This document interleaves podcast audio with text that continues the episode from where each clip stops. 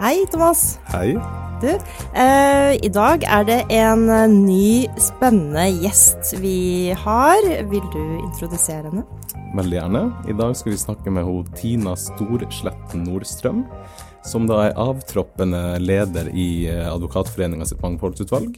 Hvor vi har vært så heldige å fått eh, samarbeide med henne i to år omtrent. Eh, og Tina har også vært i LO juridisk eh, siden 2016, men skal på nyåret ta fatt på nye utfordringer i Fagforbundets advokatvirksomhet. Eh, noe av det vi ønsker å gå litt nærmere inn på i dag, er jo da eh, forskjellen mellom det private og forretningsjuridiske aspektet i advokatbransjen, og det å jobbe i en arbeidstakerorganisasjon. Tina har tidligere jobba som advokatfullmektig i Føyen. Bra, og velkommen til deg, Tina. Tusen takk. Takk for fin introduksjon.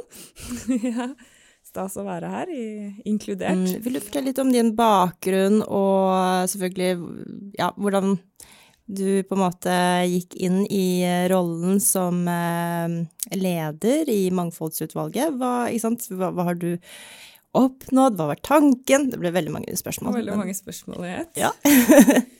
Ja, jeg jobber jo mm, Eller har vært eh, nå de siste årene advokat eh, i LOs juridiske avdeling. Og før det så jobbet jeg som fullmektig og advokat hos eh, Føyen i arbeidslivsavdelingen der.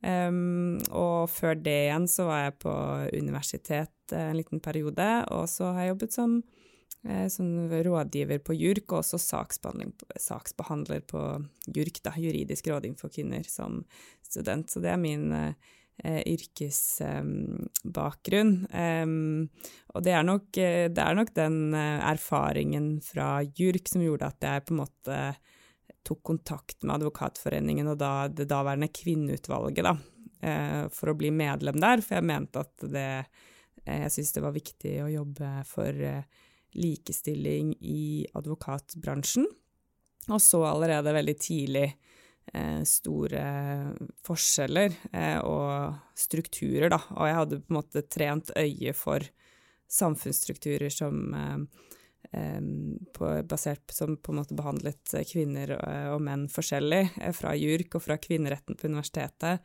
Eh, sånn at eh, jeg hadde på en måte de brillene på og kunne, kunne se det veldig lett. Eh, så det veldig naturlig for meg å bli med i utvalget. Eh, og da når jeg fikk plass der, så ble jeg veldig raskt leder for det utvalget, og har vel vært leder, tror jeg, de siste åtte årene eh, der. Så da jeg begynte som leder, så var jeg advokat fullmektig i da Føyens arbeidslivsavdeling. og i dag var jeg jo leder nå frem til nyttår.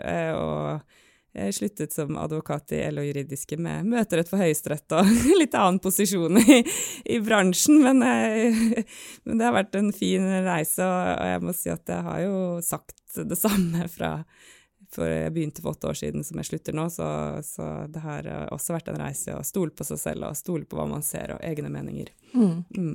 Og det må jeg virkelig si, vi har vært veldig heldige å ha, å ha hatt en leder som har vært så synlig, profilert, og da på den rette måten også, vil jeg påstå. Um, men Tina, det er jo imponerende uh, hva du allerede har oppnådd i en eh, relativt ung alder, vil jeg si.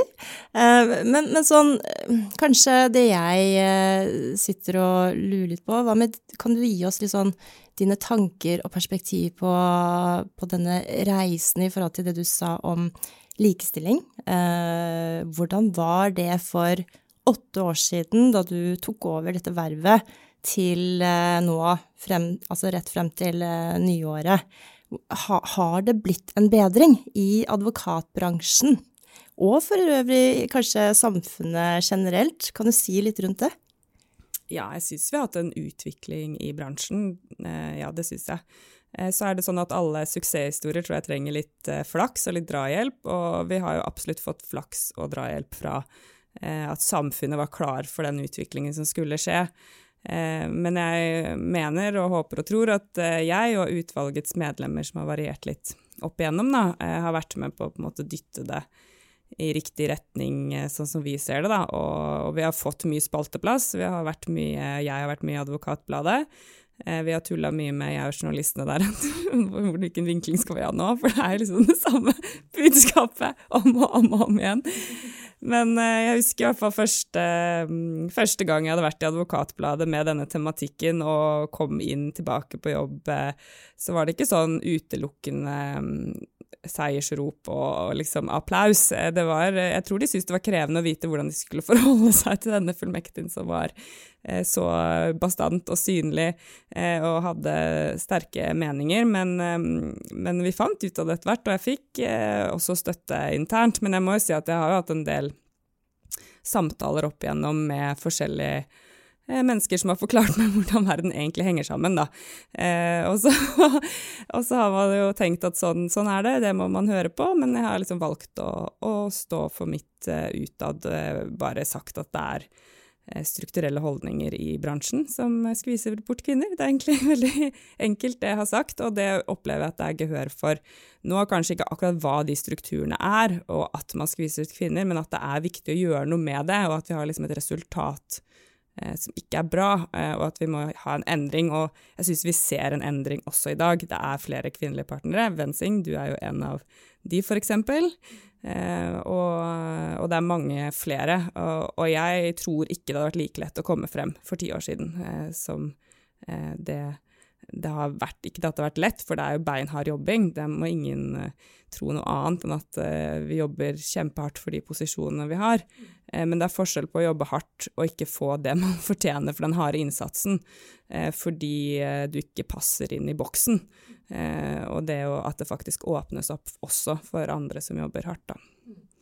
Mm. Du, du, har jo selv vært i advokatbransjen som fullmektig. Um, samtidig som, som, Thomas var inne på, du uh, har jo for øvrig egentlig jobbet mest innenfor fagforbund. Uh, tar også en, over en, nettopp en ny rolle som leder av juridisk avdeling i Fagforbundet.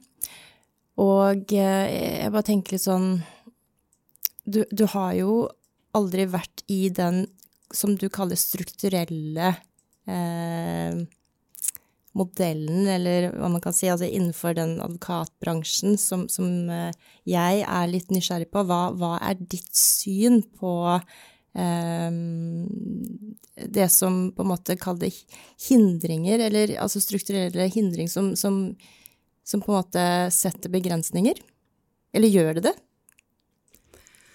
Eh, både ja og nei. Jeg valgte i hvert fall et skifte da i 2016 fordi jeg så at eh, da var jeg jo mamma, eh, og har blitt blanda for andre gang, eh, og var vel kanskje en den Vi har jo kalt en sånn mental exit-strategi etter, etter, andre barnet eh, i kvinneutvalget når vi eh, snakket om det. Eh, og jeg var jo en av dem, men jeg valgte jo ikke Jeg valgte jo kanskje bort den tradisjonelle advokatbransjen mot LO, og jeg gjorde det egentlig bare av tre grunner. Eh, jeg fikk større fagmiljø på arbeidsrett, jeg fikk høyere lønn, og jeg kunne kontrollere arbeidstida mi sjøl. Eh, og det var direkte forårsaket av at jeg hadde hatt to foreldrepermisjoner. Jeg syntes det var krevende å kjempe seg tilbake, og min kalender var styrt av en partners kalender, eller av flere partneres kalendere. Eh, og jeg innså at jeg selv kunne, hvis jeg bare kom i posisjon til kundekontakt, så kunne jeg selv administrere det der bedre enn å bli liksom administrert av en annen. Eh, men eh, det ville tatt mye lengre tid eh, å få opp den kundeporteføljen hvis jeg hadde blitt Eh, i det advokatselskapet jeg var i, da. Eh, mens i LO så er det helt annerledes, for der kommer jo liksom bare oppdragene inn. Det er litt andre utfordringer, det er mer å eh, på en måte prøve å gjøre minst mulig egentlig på oppdragene, ikke sant, for å, for å overleve sånn tidsmessig og kapasitetmessig, for det er så mye jobb der også. Eh, men finnes, vi har strukturer i LO også som opererer, men vi har en ledelse som eh, tenker veldig åpent, tenker, er veldig bevisst på kjønnssammensetning, er veldig bevisst på, bevisst på mangfoldssammensetning, eh, og tenker noe litt annerledes når de ansetter eh, enn de gjør i, i selskapene, advokatselskapene. Men nå er ikke jeg så tett på de ansettelsesprosessene, så det vet jeg ikke så mye om, men eh, vi er i hvert fall et veldig eh, mangfoldig um, advokatfellesskap i, i LO. Uh, ja. Men det er tydelig at man, man, hører veldig tydelig at det her er noe du på en måte har eh, tenkt en god del på, og på en måte vært, vært med på å se på bransjen lenge. Um, men hva var det som på en måte var pådriveren da du i 2016, kanskje, uh, faktisk valgte å bli med i Kvinneutvalget, som det da het, og på en måte du, man, du, du Tenkte du noe på at du potensielt kunne sette deg i en, Um, ikke ugunst, men altså en litt uheldig posisjon i firmaet du var? Jeg burde jo tenkt på det, i hvert fall. Men jeg gjorde nok ikke det. Uh, Men det det du skulle jo ikke tenke på det, det var jo Ja, jeg var veldig Jeg har veldig indre driv eh, som gjør at jeg ofte havner eh, utpå der, på en måte. For jeg har en veldig sånn idé om at det jeg mener er veldig riktig. liksom. Og at, har, uh, at, min stemme har noe å si for de tingene jeg engasjerer meg for. Um, så jeg blir kanskje litt så naiv. Jeg var nok litt naiv da, jeg ville tenkt annerledes på det nå, men jeg er veldig glad jeg turte og gjorde det. Uh, fordi um, Og at jeg var så tro til det jeg opplevde som riktig, uh, og som jeg opplever har vært riktig. Og jeg har fått veldig mye støtte opp igjennom òg. Utrolig mye støtte fra veldig mange fra forskjellige hold. Uh, og det har liksom hele tiden eh, fått meg videre. Og fra de første seminarene vi eh, arrangerte, så kom det ikke sant, 150-200 kvinnelige Det var, kom jo bare damer, da. Det kommer fortsatt nesten bare damer. Eh, som kom og satt der og lyttet, og det skjedde gang på gang på gang. Og da bare forstår du at det du driver med, har en sånn forankring, i hvert fall nedover i strukturene, da. Selv om ikke de på toppen forstår det. Men nå mener jeg at nå har toppene også forstått, da. Nå er man litt mer at man ikke helt vet hvordan man skal angripe det, på en måte. Men har du fått et spørsmål eh, eh, Nå hører jeg jo at du sier at det er eh, damer som kommer på disse seminarene, men hvordan er det egentlig med gutta? Altså jeg tenker litt sånn Permisjon blir jo mer og mer lik, og det, er, det oppfordres jo også til at menn skal ta halvparten av permisjonen. Nå skal vi ikke gå inn på det temaet, men, men for jeg, Det er jo en grunn til at kvinneutvalg ble endret til mangfoldsutvalg.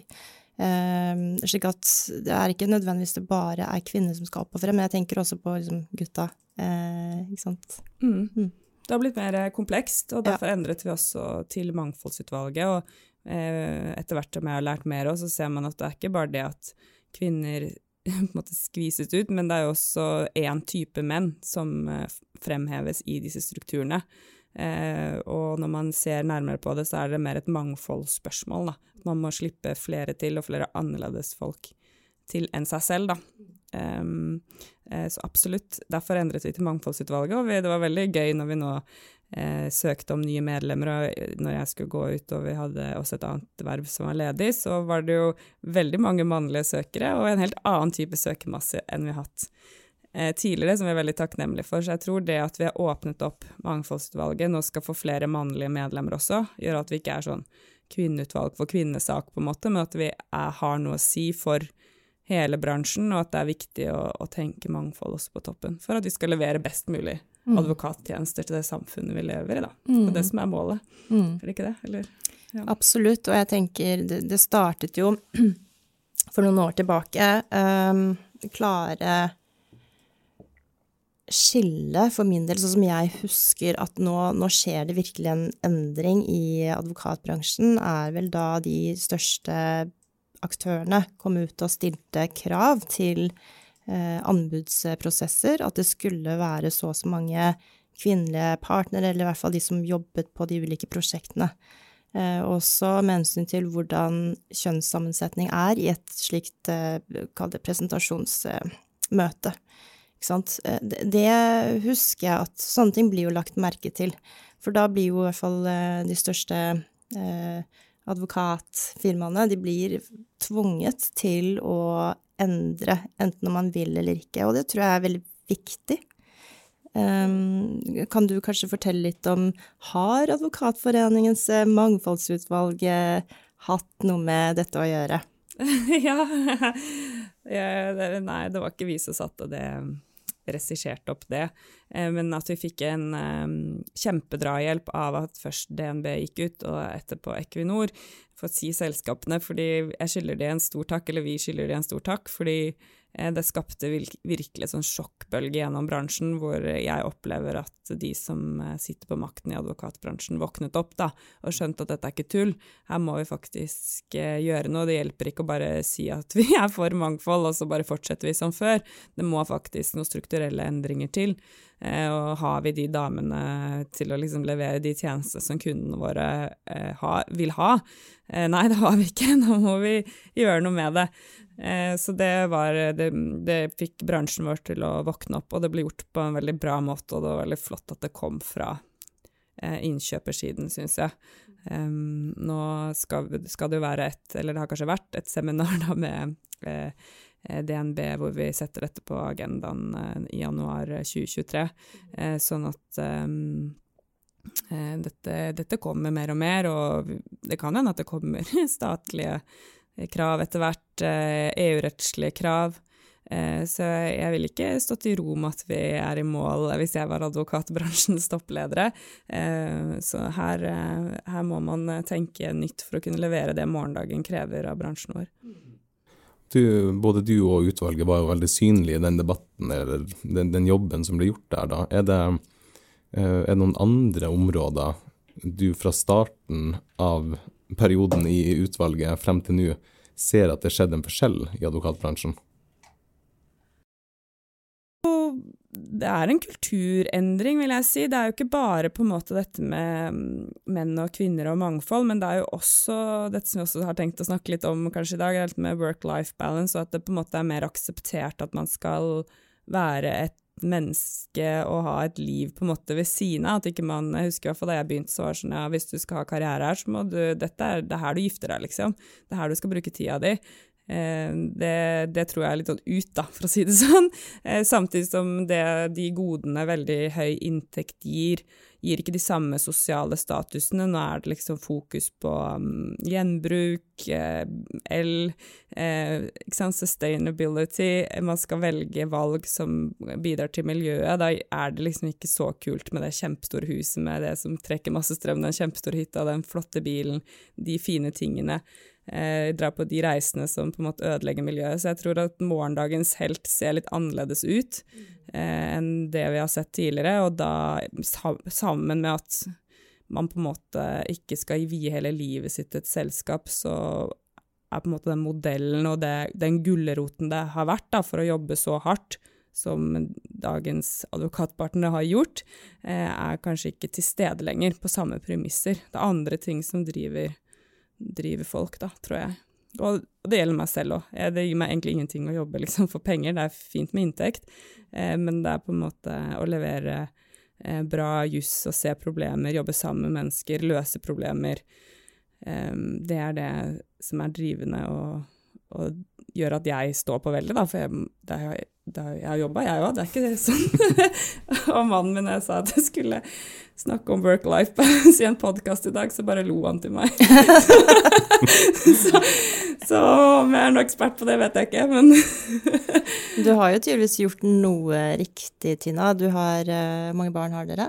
Vi har tre. Tre stykker, ja. ja. Og um, ja, altså, du kan jo fortelle litt om sant, hvordan er egentlig livet? Altså sånn ja. ja. Nei, jeg syns jo livet er ganske bra. Jeg må si at eh, jeg føler meg veldig privilegert. At jeg får ha de barna jeg har, at jeg eh, får bo i det huset jeg gjør, at vi har plass, og at eh, de får gå og bo i et trygt område i en trygg del av verden, og gå på skole og ferdes fritt.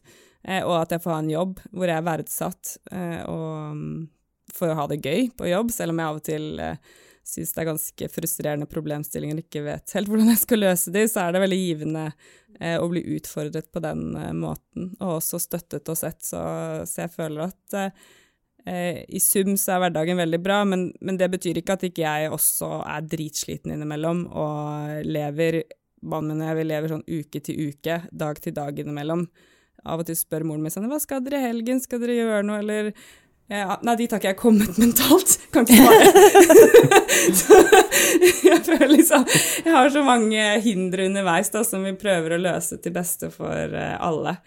Eh, men eh, ja, så det er liksom høyt eh, tempo, og vi jobber hardt eh, begge to. Men jeg prioriterer veldig familie, og er eh, rå, hva skal jeg si, bruker den fleksibiliteten i jobben vår, da, eller advokatjobben, eh, for alt det er verdt. og sånn sett får vært med på egentlig det meste, syns jeg, barna driver med. Og så prisen blir at man må jobbe innimellom utover kveld og netter. Og så prøver jeg å skape eh, pauser innimellom. Fortjente pauser. Det er jo sånn i dette yrket sikkert alle opplever at det er topper og bunner.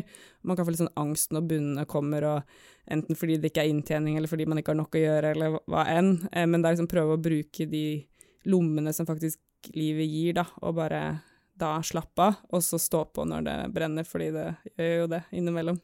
Ja. Fordi jeg tenker at Det er en sånn typisk ting som veldig mange, mange sier, at i de bunnene så må du være flink til å både ta deg friheten til å nyte det, men så, så snakker man jo med folk, og man kjenner på det jo sjøl, at da føler man jo at, at man gjør for lite. Ja, for eh, dårlig samvittighet. Ja, dårlig samvittighet, ja. Og, da, og, men på samme tid et veldig godt tips til egentlig alle i bransjen. Og så har du noen flere sånne konkrete, praktiske tips for å få hverdagen til å gå rundt. Jeg tror jeg er en sånn veldig planlegger, da. Det er, eh, det er veldig sånn konkret, ikke sant. Vi ukeshandler på dette kolonial eller Oda eller hva det heter. Det er den samme lista hver uke, det er dritkjedelig. og så er det jo, og det er mannen min veldig god på, da, det er jo å sette barna i arbeid. De syns jo det er ganske gøy, eh, og de kan veldig mye, og de må holde styr på egne ting, da. Eh, og så må jeg si at det at hun, når hun eldste hos oss er ti, da, hun har jo fått egen mobil, og det at hun begynner å administrere eget sosialt liv eh, Nå har ikke hun begynt på alle disse plattformene som folk snakker om, men det er i hvert fall ganske behagelig, slipper du å styre med det. Eh, så der, og jeg har vaskehjelp eh, hjemme. Ellers har vi ikke noe hjelp, og så har vi besteforeldre. Så det er også det å spørre om hjelp, da. Eh, også kanskje litt før det er liksom helt krise, også for å få litt pause. At du ikke bare tenker at du må klare alt selv hele tiden. Um, ja, så det er mye planlegging, det er mye enkle løsninger. Jeg går liksom aldri for noe sånn eh, ekstra, på en måte. Prøver å Jeg, har, jeg er jo også sånn som tar ansvar for ting. Eh, men sånn som nå, så hadde jeg ansvar for julegrantenningen i barnehagen, men da kutta jeg ut gløggen, for jeg bare så for meg at skal jeg stå en halvtime og varme, og så skjerme den gryta for alle barna. Så det er kanskje litt sånne løsninger, da. Veldig konkret. Men da, saft og pepperkaker isteden. Det, det tar bare en time, barna er kjempefornøyd, og du har gjort noe fint for barnehagen. Det er, det er veldig Takk, Tina. Det er veldig godt å høre. Og liksom på ja. miljøgrupper, ikke sant. At det er ikke så farlig om det soser litt. Det er Toro ja. tomatsuppe er topp. Og First Price Checks, liksom. Det, det holder. Det er bra nok. Og la barna ta ansvar selv og styre egen hverdag, og så prøve liksom å skape tid og rom, da. Men det, det går skeis. Av og til går det veldig bra, av og til går det skeis hjemme hos oss også, så det er ikke noe sånn ja, livet er ikke noe sånn Instagram-konto, liksom. Nei, ikke så, sant. Så sånn er det bare. Lower uh, your expectations, så det vil si. Mm. Ja, og ja. også faglig på jobb, ikke sant. Man må prøve å gjøre sitt beste, men be om mm. hjelp og be om uh, at kollegaer sjekker. Og hvis man gjør feil, så er det greit òg. Uh, og jeg er veldig takknemlig for å ha en ledelse som på en måte står også opp for deg når du gjør feil, da, for det gjør du jo innimellom. Eh, og at man løser det da på en, eh, på en, god måte, og så prøver man ikke å gjøre samme feil igjen, da. Men, men, det er jo ikke sånn at man går gjennom et helt yrkesliv og så bare sklir alt heller, på en måte. Nei, absolutt Nei. ikke.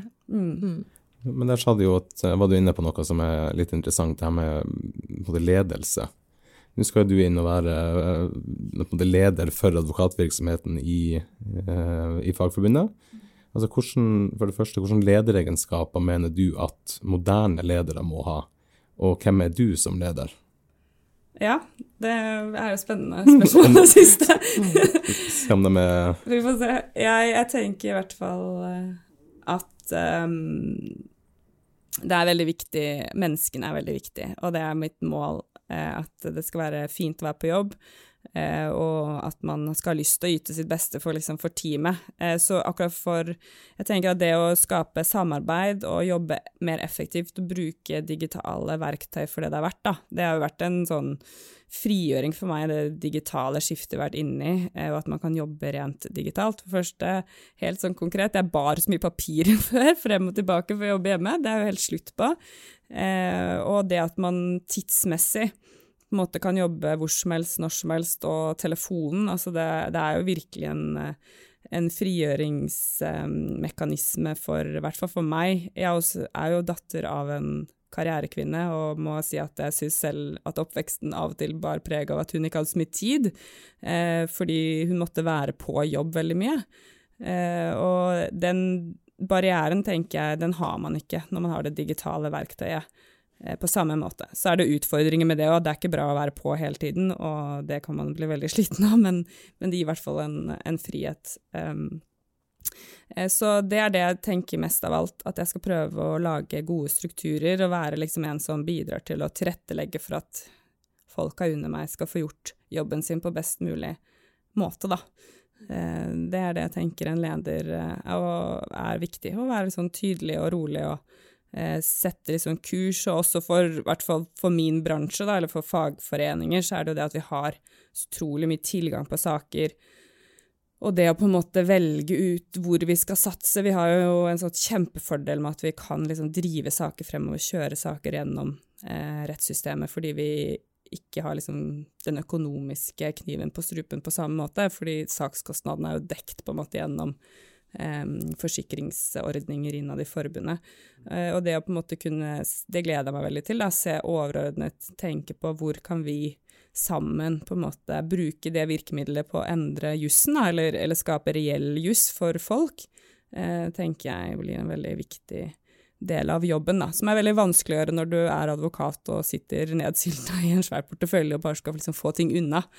Eh, så det, det håper jeg og har ambisjon om også, at jeg skal klare som leder. Så det blir spennende. Hvis ikke, hvis ikke, det går, så får jeg, har jeg jo alltids advokatpraksis å falle tilbake på. det høres, eh, høres, ut som du har gjort deg opp noen tanker som mm. jeg tenker er ja, veldig, veldig bra. Um, men når vi er tilbake til liksom ledelsen og den moderne, for du var litt innpå, Tina, i forhold til med lønn, at det ikke spiller inn, eller at det ikke er veldig viktig. Kanskje med tanke på de yngre, at det er andre eh, mål, ikke sant, ref det samfunnet som vi er i nå, mer bærekraftig, alt um, Ja, har, det er veldig mye som har endret seg bare i løpet av de siste fem-ti årene, vil jeg si. Eh, hvordan tenker du sånn i kombinasjon med din nye lederrollen din? Ja, jeg tenker for det første at lønn er veldig viktig. Det er veldig viktig å ha inntekt, og, eh, og, det, er, og, det, er, viktig også for å føle seg verdsatt, at man får en OK lønn for den jobben man gjør. Eh, jeg mente det egentlig som at det å tjene inn penger er liksom ikke for meg personlig en stor motivasjonsfaktor, da. Eh, i en um, og nå når jeg skal bli leder, så er det jo viktig at virksomheten går godt, og at man har en god økonomisk drift. Og det i seg selv er en, um, på en måte en, en ambisjon og et, et mål.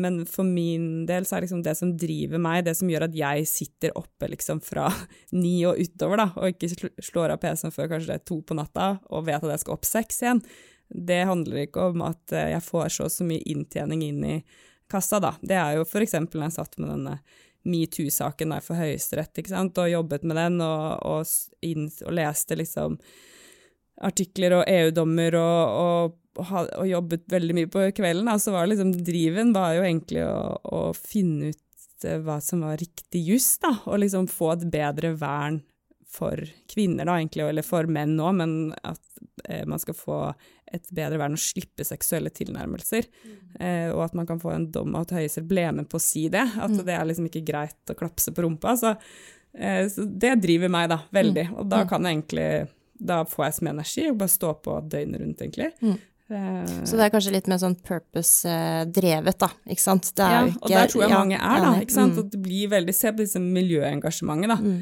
Se på vanlig ungdom som blir kriminelle, liksom. Kast, ødelegger bilder og holder på og limer seg fast. Hvorfor gjør de det, liksom? De ville aldri sikkert gjort kriminelle handlinger ellers, men de bare drives så utrolig sterkt av saken. Jeg, jeg syns det er fascinerende. Og ikke det at det nødvendigvis er de nye advokatfullmektigene i bransjen vår, men men eh, det sier jo noe om eh, hvor, hvor, verden går, da, og hvor drevet vi er av på en måte gjøre verden bedre, da. Mm. Mm. Men, men, du har jo da på en måte vært uh, borte fra den forretningsjuridiske verden i mange år. Uh, skyldes det, og, og, du skal videre nå, uh, ikke tilbake til, til den verden. Har, har det noe med driveren i deg å gjøre?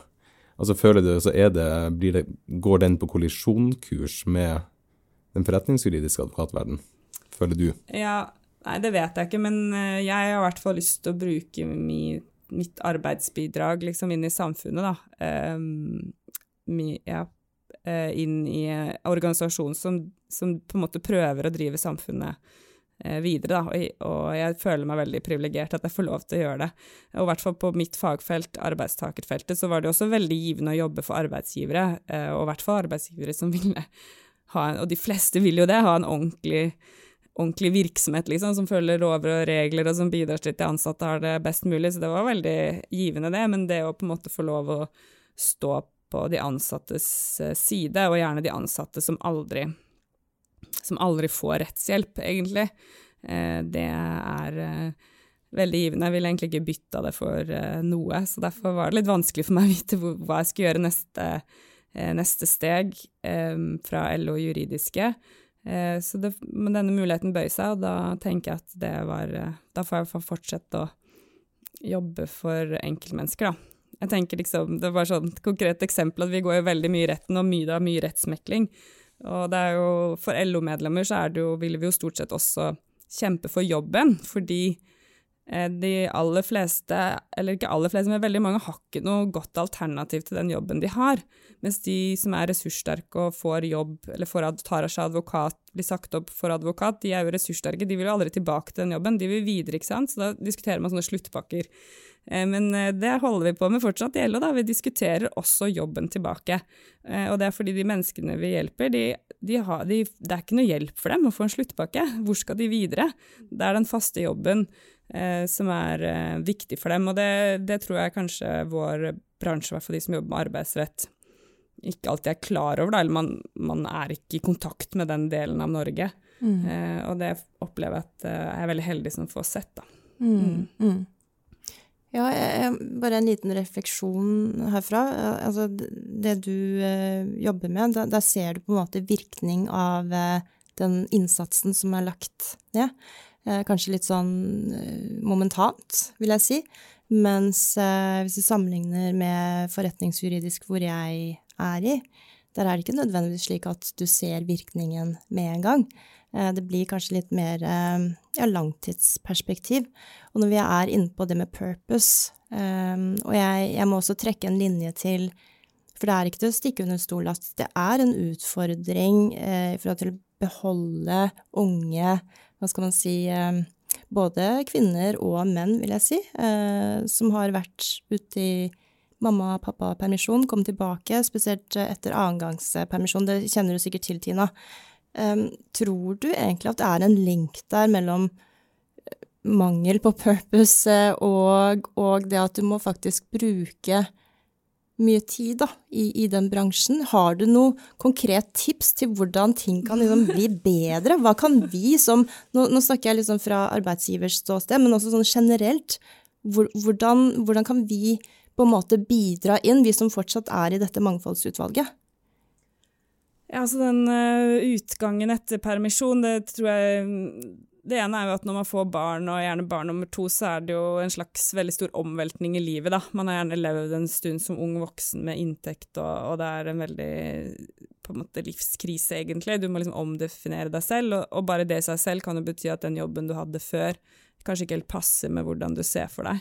Eh, så tror jeg også vi, det er jo en utfordring fortsatt i bransjen, det der med liksom selge sjela si, og hva, hvordan skal jeg klare den innsatsen jeg gjorde før, nå når jeg liksom ikke Jeg vil også se barna mine, jeg vil ikke sette de bort, på en måte. Eh, og der tror jeg man må gjøre stor innsats da, for å vise, og det er jo en del av denne podkasten også er en del av, da, å vise eh, at det går an, på en måte. Du må fortsatt jobbe hardt, men du kan jobbe på andre eh, måter, og du, skal ikke, man skal ikke liksom ofre barn og familie. altså De skal vokse opp eh, og bli trygge, gode mennesker, og da må de ha tilstedeværende foreldre. Eh, og sånn er det bare. Men det går an å være til stede på mange måter. Man trenger ikke være hjemmeværende, ikke sant. Og det er ikke sikkert eh, å jobbe åtte til fire heller er så veldig tilstedeværende nødvendigvis, med lang, for eksempel hvis du har lang reisevei. Så det er viktig å Eh, på en måte finne ut av hva som fungerer for din familie. Og så tror jeg man er jo i denne jobben fordi man syns det er gøy å jobbe, man syns det er gøy å prestere, man syns det er gøy å konkurrere. Eh, og når man får barn, så får det en setback, og du begynner kanskje litt på nytt. Eh, og da må Jeg tror man som arbeidsgiver må innse hva slags ansatte man har òg, som vil bli sett. De vil yte, de vil være beste. Jeg husker hun um, Anne Sofie eh, Bjørkholt i bar, hun sa liksom alltid at den som kommer hjem fra permisjon, får alltid det kuleste oppdraget. Eller kommer hjem, kommer tilbake fra permisjon. Eh, og da tenkte jeg bare at det er skikkelig kult, fordi det er kanskje det man trenger. Man trenger den boosten, ikke, ikke den beskyttelsen 'å, nå har du blitt mor eller pappa, nå må dere liksom ta det med ro'. Du, du, trenger liksom å bli sett og vite at du fortsatt er viktig, og kanskje du har lært andre ting, kanskje du er litt mer moden, kanskje du tenker på problemstillinger på en annen måte.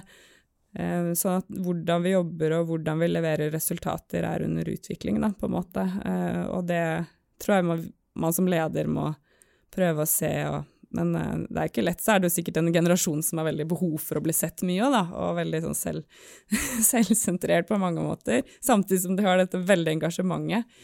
Eh, og så må man vise hvorfor, hvorfor, den arbeidsplassen faktisk gir mening da, i det større perspektivet. Selv om det er eh, skatterett i Deloitte eller hva det er, så har den Hva syns du ikke skatterett er gøy? det er ikke akkurat min type.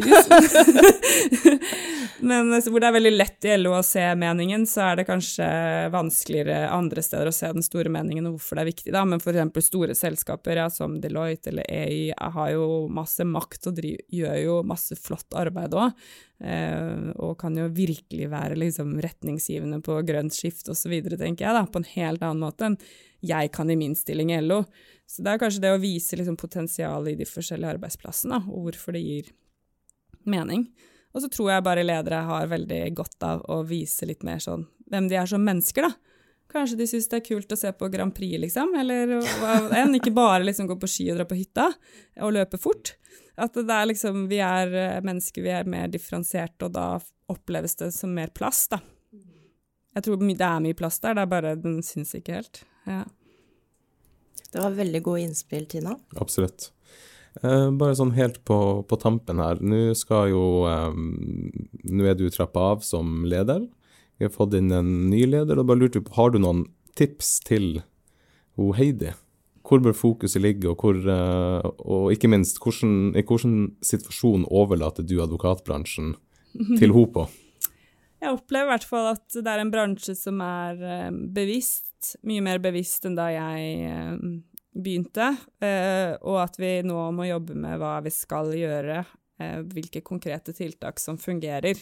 Og jeg tenker at det er det Heidi må ha fokus på fortsatt, så må hun finne sin form og sin plass, eh, og den vil ikke være eh, sånn som eh, eh jeg har gjort det. Eh, det. Men jeg har fått mye spalteplass, og det tror jeg fordi jeg har, kommer jo fra journalistfamilie, da. Min mor er eh, journalist, og jeg tror jeg har lært at fått litt inn med morsmelken at ting må spisses og ting må selges, og det er liksom ikke så nøye om hele sannheten kommer frem. Det er veldig annerledes enn når vi jobber med en juridisk betenkning eller noe, men klientene våre eller de vi hjelper, vil jo bare ha ett svar, ja eller nei, eller det er sånn.